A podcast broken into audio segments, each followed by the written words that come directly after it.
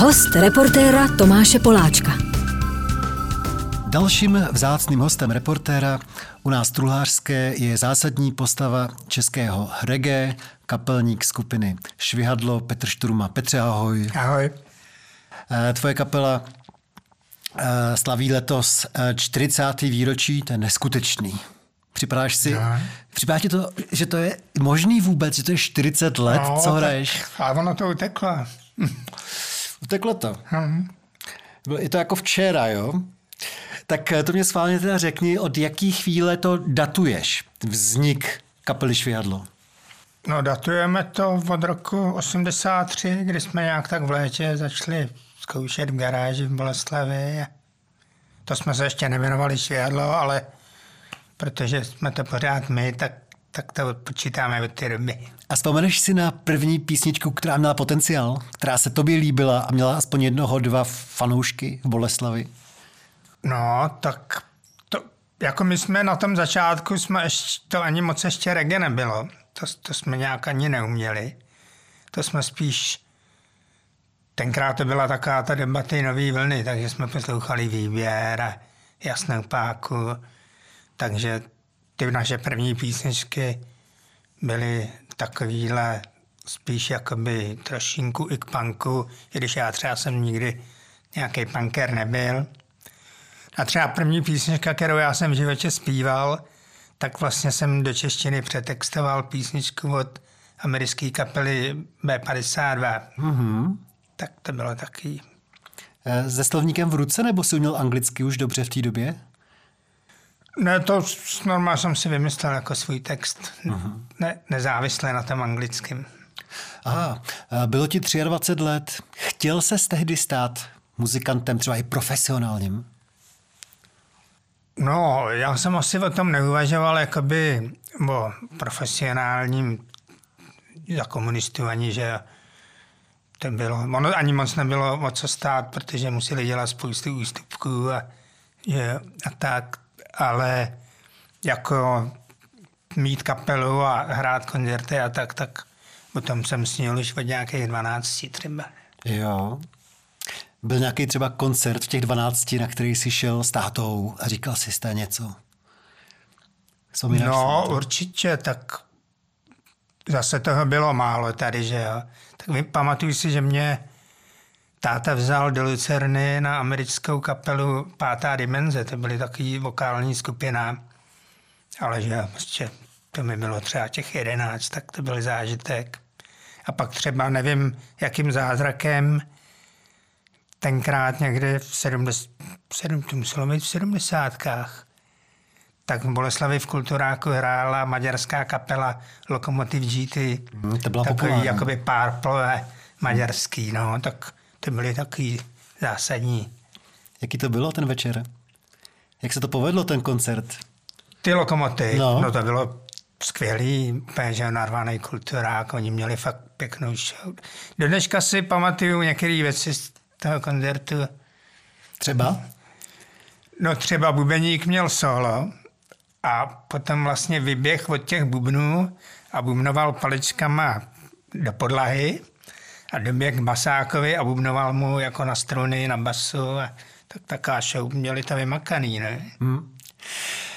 Já na tebe mluvím trochu hlasitěji, protože ty máš od dětství problémy se sluchem, jo? Chodíš na ušní. Hmm. Co na to říkají ušaři, odborníci na sluch, že 40 let uh, jezdíš po koncertech a jsi docela hlučným prostředí? No, tak tak to by mě asi nechválili, že jo. Ale zase já jim říkám, no tak stejně už, stejně už slyším blbě, tak kvůli tomu nepřestanu dělat, co mě baví, když stejně už budu pořád slyšet blbě, že jo.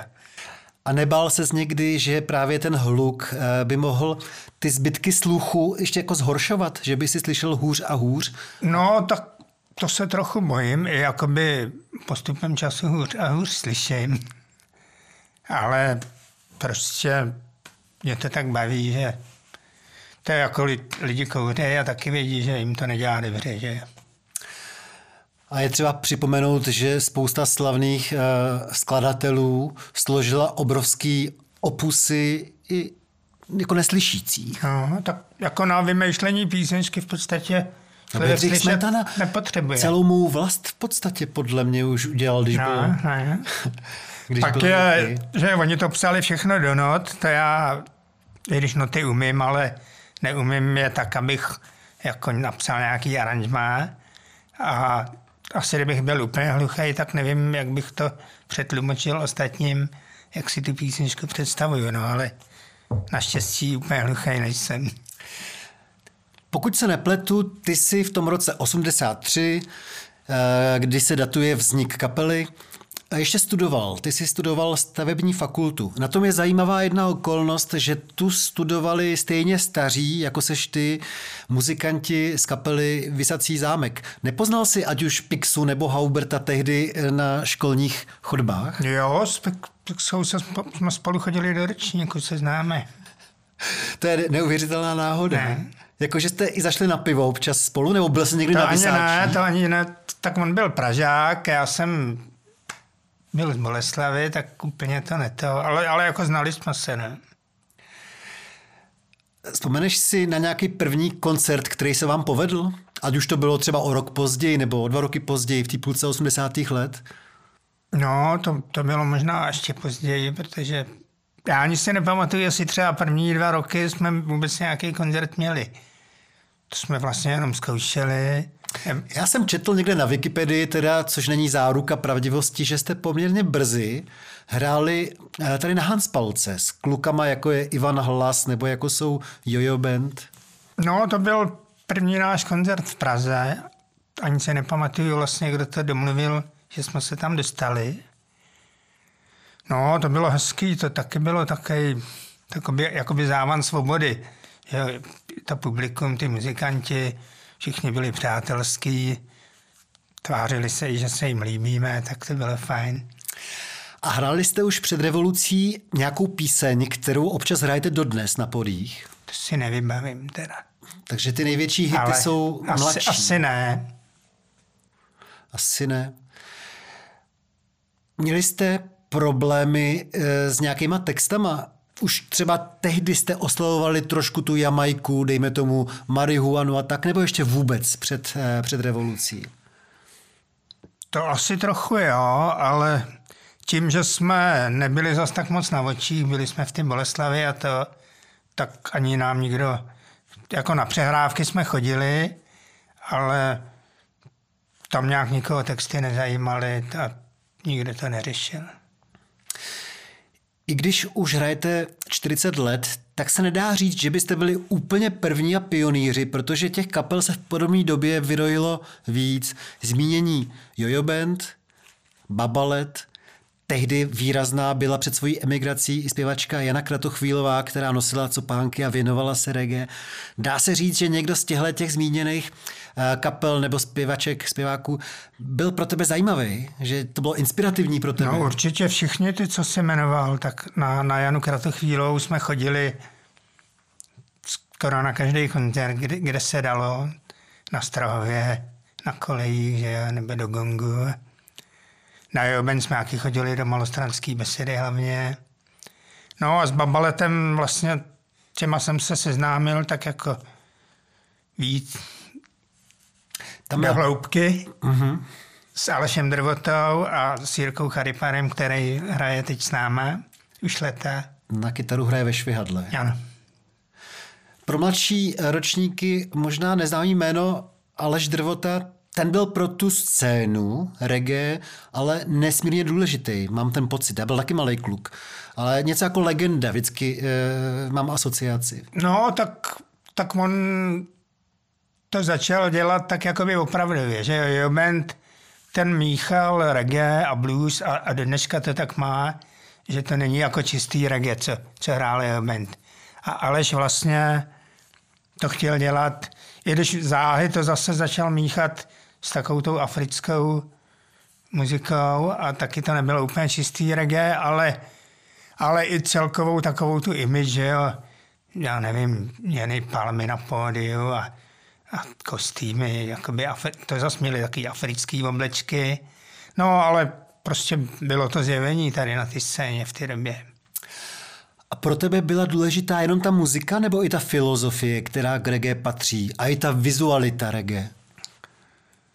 Filozofie ani zas tak, protože vlastně, že ty rastafariáni, tak to je o tom, že pocházejí z Afriky a, a chtěli by se třeba vrátit do Afriky, tak to, to pro nás je trochu daleko, tyhle představy. Ale ta vizuální věc, jo, to jako, že jo, dready a, a takový a i prostě nějaká taká ta, taká ta ošintělost a to, tak to se mi vždycky líbilo. A snil si o tom, že jednou komunisti potáhnou a ty potáhneš na Jamajku třeba se podívat? No tak to samozřejmě jsem snil a, a plať mámu jsem se toho dožil ještě relativně mladý.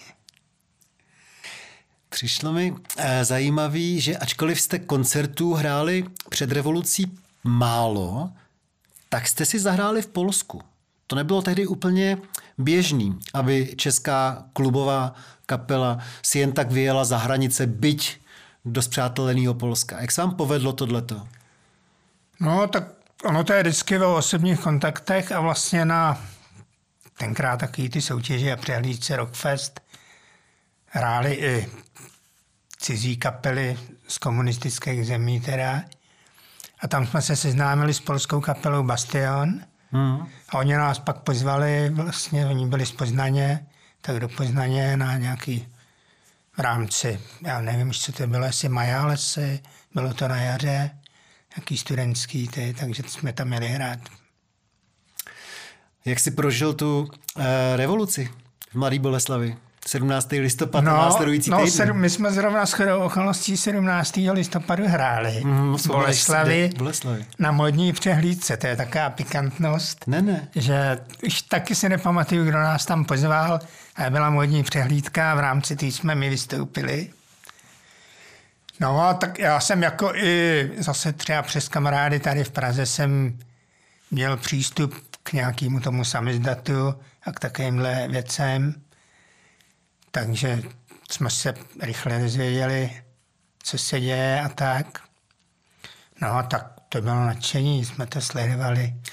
Bylo ti 30. Jak jsi z toho užil, té svobody? Vyrazil jsi hnedka někam právě třeba do zahraničí na západ, kam si předchozích 30 let, let nemohl? Nebo co jsi no, udělal? Snažil jsem se, no zase úplně nebyly peníze. Že jo? Taky už jsi možná měl děti? Ne. Možná už jsi měl nějaký dítě. Ty máš dětí hodně. No, mě, já, mám, já jsem měl dítě už ve 20. Ty jsi měl dítě už ve 20. Ne. Prváko na výšce. Takže ještě před vznikem švihadla si měl děcko. Ano. Zajímavý. No, ale jo, hned v roce 90 jsme jeli s manželkou do Paříže a postupně jsem začal ten svět objevovat. Hmm. Ty jsi vždycky věděl, že chceš dělat to, co jsi vystudoval, to znamená mm, projektanta stavebního, nebo ano. třeba po té revoluci jsi říkal, něco by mě bavilo víc, když jsou ty možnosti, budu podnikat v tom a v tom, něco, co se týká muziky třeba. Měl jsi tyhle ty úmysly? No, jo, měl jsem takový sny, i jsem měl vyhlídlej v Boleslavi prostor. Klub? Ani ne, ani ne klub, ale říkal jsem si, že bych mohl mít prodejnu desek. Hmm. A a že bych tam u toho měl jako takový bárek, že ty lidi, co to mají rádi, by tam mohli v podstatě něco na bázi klubu, ale ne úplně klub jakože s koncertama. No, no ale... ale tak naštěstí jsem to nezrealizoval, protože vidíme, jak dopadly všechny prodejny desek, že? Mm. Ty jsi spokojený s tou svojí prací, kterou děláš vlastně většinu života. No, ty, tak... Ty něco rýsuješ, ne? Celku, jo. Na počítači. To je jasný, že někdy toho má člověk plný zuby, nebo to, když si toho třeba nabere víc, než já, ale není to špatný. Jsem svým pánem, to je důležitý, že ne, nemám žádnou pracovní dobu od do, i když zase ono to obnáší pak to, že člověk vlastně pracuje víceméně pořád, protože si to pořád nosí v hlavě, já nevím, tohle nestih a že to musí udělat třeba večer. Hmm. Eh, k tomu reggae vždycky patřila neodmyslitelně uh, marihuana. Jak to hulení bylo důležité pro tebe? Ani moc ne, protože jako před revolucí nějak jsme se k ní nedostali ani. Pak teda samozřejmě, že jsme ji zkoušeli po revoluci a to, ale měl jsem s tím pár nepříjemných zážitků, kdy jsem třeba dostal nějaký model, který mi nesednul. Vybavíš si takovouhle uh, situaci, která musí být strašně nepříjemná teda. Ale já to chápu. Oni si všichni mysleli, jo, to jsou starý huliči, tak je překvapíme nějakým silným modelem a podobně. No, no, no. My, my jsme teda si modely trávy pracovně v kapele nazvali, že vlastně jsou dva hlavní. Jednomu říkáme veselý blbeček a druhýmu dlouhá procházka. To je vlastně, že jo, buď tě to vyhypuje, anebo tě to vytlumí. No. No, tak nejvíc nepříjemný bylo, když to se stalo párkrát, že třeba to někdo přidal do jídla a neřekl nám to. Jakože sranda. No, jakože ze srandy a, a jednou to dokonce v Brně skončilo tím, že část kapely skončila v nemocnici. Já si to vůbec nevím představit. To musí být strašný, když člověk ani neví, co se děje a najednou má ten bad trip. No. Najednou uh, je mu prostě zle a možná má nějaký, já nevím, jestli měl nějaký vidiny nebo... No, tenkrát jsme měli jakoby takový pocity, jakože nemůžeme dechat Aha. v tom Brně. Jak to dopadlo celý? No, odvezli nás a ráno už nám nic nebylo, že jo, tak ráno přišla kriminálka, výslech, no, pak jsme jeli domů. No jo, tak tohle to je drsný. Takže vy jste spíš jako většina eh, českých kapel vaší generace spíš uh, pili. Hmm, hmm, takový ten, eh, Standard. k tomu máme poměrně dobrý vztah. Bylo někdy období, kdy se ti už nechtělo pokračovat s muzikou, protože asi nikdy se to nedostalo tak daleko, aby z toho fakt bylo hodně peněz, nebo se možná pletu, možná tam bylo nějaký období v devadesátkách, kdy vám to sypalo i. No moc ne, zase ani vlastně nevím, jestli to byla naše chyba, že jsme třeba, protože v té době na nás docela chodilo hodně lidí a nevím, jestli, jestli to tenkrát tak bylo, že těch peněz nebylo moc za to, anebo jestli jenom my jsme si říkali málo. Ale nevím. Tak protože jsem to nikdy nechtěl dělat kvůli penězům, tak ani jsem neměl to, že bych kvůli penězům chtěl přestat. Takže nikdy. Ty, takže pro tebe je to skvělý koníček celoživotní. Ano. A droga. Jakože se No, nepřestáváš těšit na ty koncerty. Ne. Ne. Vy jste museli, kolik máte za sebou koncertů? Tušíš to? Máte nějaký To nemáme, nemáme kronikáře? spočítaný, nemáme. Ale kolik jich může být do roka? No tak třeba v těch 90, nebo ještě i po roce 2000, tak jsem nedávno našel v počítači nějaký seznam, tak jsem za rok měl třeba 120 koncertů. Ty máš ještě jednoho uh, hodně zajímavého koníčka nebo vášeň a to je uh, cyklistika, pokud se nepletu. K tomu se dostal jak k cyklistice? No, asi úplně to začalo tím, že eh, já jsem vlastně jako dítě nebydlel úplně přímo v Boleslavi, mm. ale na vesnici. A tam jezdil autobus třikrát denně. Takže když jsem třeba chtěl s kamarádama v Boleslavi někam jít, tak jsem tam musel dojet na kole. Takže tím, tím jsem jakoby začal jezdit a, a zjišť, zjišťovat, že je to docela dobrý dopravní prostředek. No a bavilo mě to vždycky taky zase, že za komunistů ani pořádně kolo slušný se nedalo koupit. Favorita si měl, ne? No, já jsem ani neměl favorita, já jsem měl, jsem měl nějaký polský kolo ještě s dámským rámem, ale pak teda jsem měl jako jeden z prvních v Boleslavi horský kolo, tenkrát značky Velamos, to dělali na mělnice. No, bylo to hrozný, furt se to rozbíjelo, ale, ale byl to horák. Ty jsi pak jako cyklista projel spoustu i poměrně exotických zemích. Zemí. Jestli to správně chápu, tak ty jsi jezdil často eh, se šéfem plzeňského uh, Zach klubu. No, s Karlem Zachem S Karlem jezdíme Zachem. spolu Jezdíte pořád. pořád asi 16 let. A jak ta tradice vznikla, vzpomeneš si?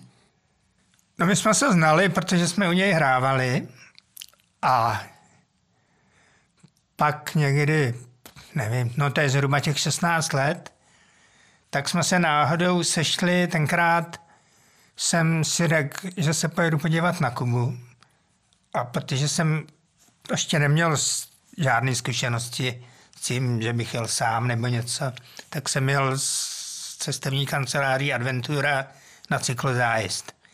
No a tam jsme se potkali s Karlem, tak jsme se nejme viděli, že se známe a to. No a nějak tak jsme si padli do voka, tak jsme si řekli, že budeme jezdit spolu bez cestovky. Takže hned rok na to jsme objeli Jamajku. Zrovna tu Jamajku. Ne, Uh, vzpomeneš si ještě, ty jsi tam byl dvakrát, že jo, na Jamajce. Ty jsi tam byl jednou i s kapelou. Hmm. No, Což je zajímavý. Což svědčí o tom, že máte jako dobrý vztahy v kapele, když spolu takhle vyrazíte. jo, jo, to já, já jsem si liboval, že 14 dnů neustále spolu a pr- zvládli jsme to bez nějakých hádek a v, úplně v pohodě. Zrovna ta Jamajka teda, eh, to je země, ke který si vzlížel ještě před tou revolucí, jakože tam se asi nikdy nedostaneš, ale chtěl bys, už kvůli těm legendám světového reggae, který od tamtuť pocházeli. Nebyla nakonec trošku zklamáním pro tebe ta realita? Ani ne. Právě možná i tím, že jsem tam byl hned rok po Kubě, tak jsem viděl ten obrovský rozdíl, že vlastně jsou to dva ostrovy vedle sebe. Ty lidi by měli mít podle mě podobnou mentalitu a je to strašně odlišný. Na ty Jamajce prostě jsou všichni asi tak pětkrát veselější než na Kubě. Mm. Ta hudba tam opravdu v těch lidech je, všude to tam hraje.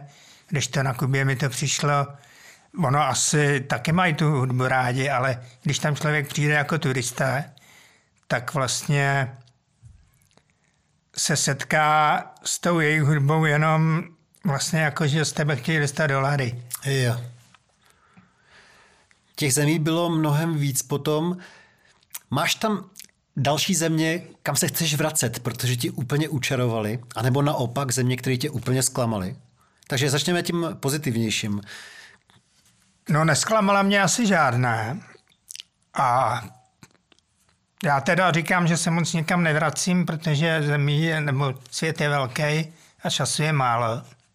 Ale asi nejvíc mi učaroval Nepál. Hmm. A tam se chystám teď se svýma dětma někdy, že jim to tam chci ukázat. Tak znovu to řekneme. Ty uh, máš dětí pět Ano. a věkový rozmezí je 35 let. Hmm. To je docela unikátní. Takže teďka musíš říct, jestli bereš i toho nejstaršího, i toho nejmladšího. No to, to asi ne, no, to asi, to nějak uvidíme, jak to. Ale zase ten nejstarší taky rád jezdí na kole, tak jako on by určitě se přidal, to, no uvidíme, uvidíme.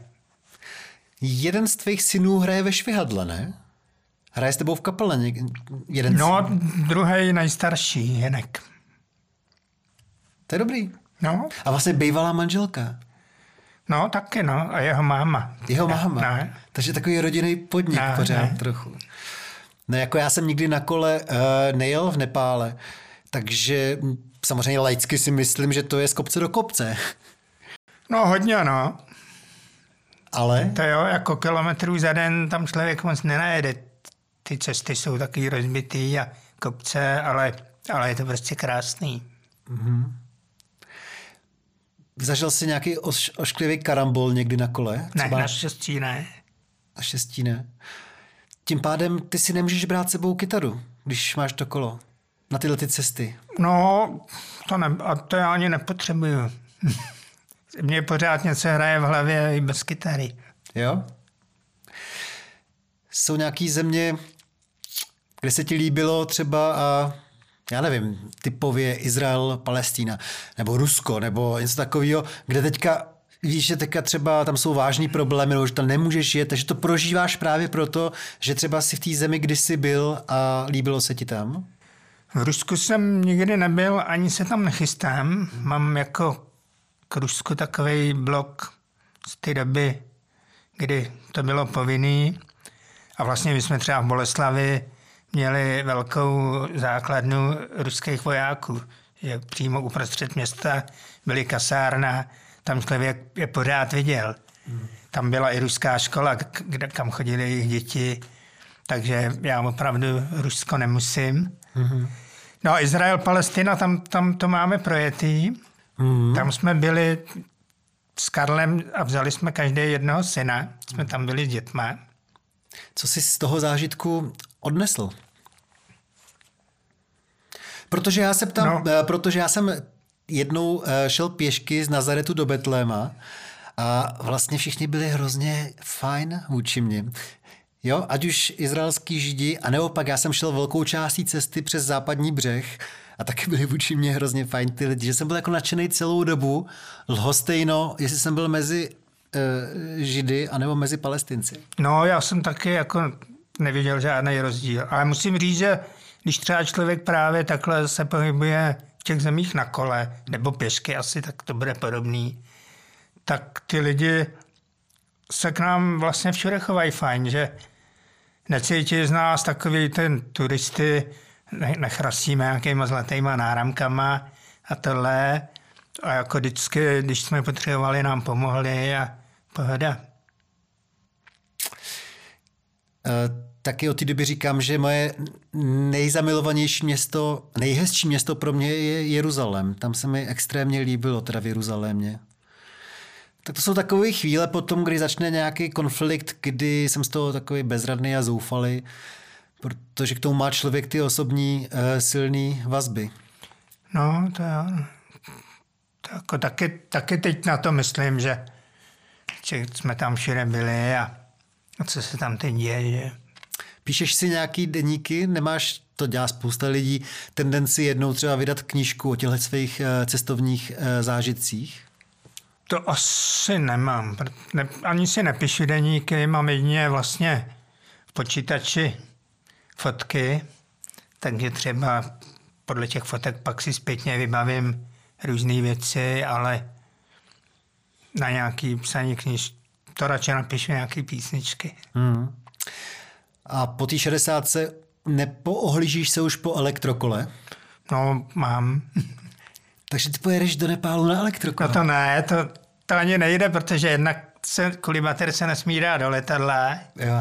A kdyby to člověk nabíjel, že to akorát by se nervoval, že to pak, když se to vybije, tak to kolo je těžký jak prase. To jezdím na normálním, ale mám i elektrokolo už. Hmm. Hele, a čtyřicátiny. Teďka ve středu velký koncert v Praze, ale slavíte to celý podzim na mnoha koncertech. Ano. Za deset let padesátiny, pak šedesátiny. To je to pořád dál asi, to vypadá, no, že... tak vidíme, tak když zdraví dá, tak třeba jo. Ty jsi zmínil, že radši napíšeš písničku. Mám ale pocit, že na to, jak spolu dlouho hrajete, vlastně těch desek není moc, že podle mě bylo šest. Šest, no. No, tak je to... Jsou velký prodlevy mezi pro, těma deskama. Protože vlastně já jsem v kapele výhradní autor. Nikoho k tomu nepustíš, jo? No to já bych je pustil rád, ale, ale nikdo nic nenosí. Mm. A já zase jsem hodně vytížený i prací a, a tak vůbec, já nevím, okolo dět, prostě život okolo. Takže nejsem zas tak plodný, abych prostě napsal desku třeba každý rok nebo dva. To poslední vyšla před covidem, už se mi zdá. No, těsně před covidem nějak. Těsně, plně těsně vlastně v březnu jo. 20. Prostě když se tady všechno zavřelo, a, tak vám vyšla a, a deska. když jsme měli mít křest, tak už nebyl. Jo. Takže příští bude za pár dalších let, jo? No, my jsme původně chtěli udělat album teď k těm 40 ale to se nějak nestihlo. Ale něk, už hrajeme i na koncertech nějaký nový písničky, tak uvidíme, na příští rok bychom to mohli dodělat. Hmm. Laicky mám pocit, že obrovská vlna zájmu o reggae byla právě v 90. letech, kolem roku 2000. Co ty dnešní mladí? Zajímá je to ještě? Nebo v nějaký trochu jiný podobě? Jak, jak oni, eh, mladí Češi, vnímají reggae? No, myslím si, že ta popularita šla hodně dolů. Jo, protože vlastně třeba okolo toho roku 2000 tady bylo několik reggae festivalů a prostě chodilo, běžně na nás chodilo třeba 300 lidí. A teď spíš tak mi přijde, že třeba když ty mladí na to zabloudějí, nebo je třeba i přivedou rodiče, takže vlastně vždycky říkají, jo, to jsme vůbec nevěděli, to se nám líbí. Akorát je, já vždycky si říkám, třeba někam přijedeme a nepřijde úplně moc lidí, ale jsou všichni takový nadšený. Tak já si říkám, tak to je dobrý, protože to řeknou kamarádům a příští přijde třeba dvakrát tolik. A ono to tak úplně teda nefunguje. Takže to vaše publikum stárne s váma, že chodí hodně padesátníci, jo? No, já bych spíš řekl, že, chod, že hlavně chodí tak lidi třeba mezi třicítkou a čtyřicítkou. Hmm. Máte nějaké ambice? Chcete ještě něco velkého dokázat, nebo, nebo vlastně už jste spokojený s tím, eh, co je a co bylo? No, jako já myslím, že kdyby zase na nás začalo chodit víc lidí a víc se to rozjelo, takže bychom se nezlobili, ale stojíme nohama na zemi, takže víme, že asi nějaká, nějaký velký sukces už to nebude. Na druhou stranu jste a zůstanete jednou z mála českých kapel, který si zahráli i v Číně. No. I když to je asi nějaká spíš náhoda a to se taky nebude opakovat, že byste v takhle exotický destinaci si... No, tak to taky byla, to, to je vždycky vlastně nějaká náhoda, nějaký osobní vazby nebo něco. Tam studovala naše faninka hmm. a ta te tam vlastně domluvila. Kusím tenhle podcast vydat ještě ve středu, takže případně pro ty lidi, kteří by chtěli jít eh, na eh, večerní koncert v Praze, bude něčím speciální? No, bude, bude tam docela dost hostů, převážně bývalých členů. Část koncertu zahrajeme i v sestavě, v který jsme hráli v těch 90. letech. Pak jako takový speciální host bude Jana Jelínková ze Jste zvířat. Mm-hmm. Jak, jak vás to napadlo? Jakou máte uh, vazbu? Jako přes ty dvě kapely, že byli zpřátelený? Nebo... No, tak celý léta se potkáváme na, na festivalech a tak a teď máme dokonce společnou zkušebnu. Hmm, počkej, takže vy neskoušíte v Mladý Boleslavi? Ne, tak to už dávno ne, tak protože vlastně z Boleslavy už jsem zůstal jenom já a, a, a syn, který ale taky je převážně, protože dělá v Praze, takže už to vlastně, já nevím, od těch 90. let už zkoušíme v Praze. Hmm. No tak Bůh ví, jak to bude vypadat z budoucností e, sta zvířat. Teďka se asi řeší hodně, jestli budou pokračovat, anebo, e, nebo ne. No, oni chtějí pokračovat. Teď vlastně hrajou křty, protože ještě Honza Kalina si kde dělat desku těsně než umřel. On vlastně v srpnu umřel e, kapelník, no. zpěvák Honza Kalina. A oni teď vlastně teda převážnou část zpívá Jana mm. A zatím teď ty první koncerty dělají s hostujícíma zpěvákama. Minulý týden jsem s ním hostoval v Olomouci já. Jaký to pro tebe bylo zaspívat si uh, ze sto zvířaty? No zajímavý, protože jsem poprvé v životě zpíval ska. písni, no ani ne tak, že ska, ale písničku, kterou jsem sám nevymyslel. Ty jsem nikdy v životě nespíval. No a potom, když to skončilo, tak jaký jsi měl pocit z toho, z toho Ale večera? jo, bylo to fajn zase s jinýma lidma. To, ne? A existují ještě v Čechách vlastně mladý, dobrý reggae kapely? Nebo zůstáváte sami, kdo tady táhne tu vlajku uh, rudožluto-zelenou? No určitě sami nejsme, jsou tady reggae kapely, ale nejsou úplně moc mladí, všechno už jsou to spíš lidi tak minimálně na 30. No, tak jsem zvědavý. Eh, děkuji ti moc krát za to, že jsi eh, dorazil. Já děkuji za pozvání. Přeju, ať se daří kapele a hodně štěstí do dalších deseti let teda. Budeme se snažit. Děkuju, Petře. Taky děkuji.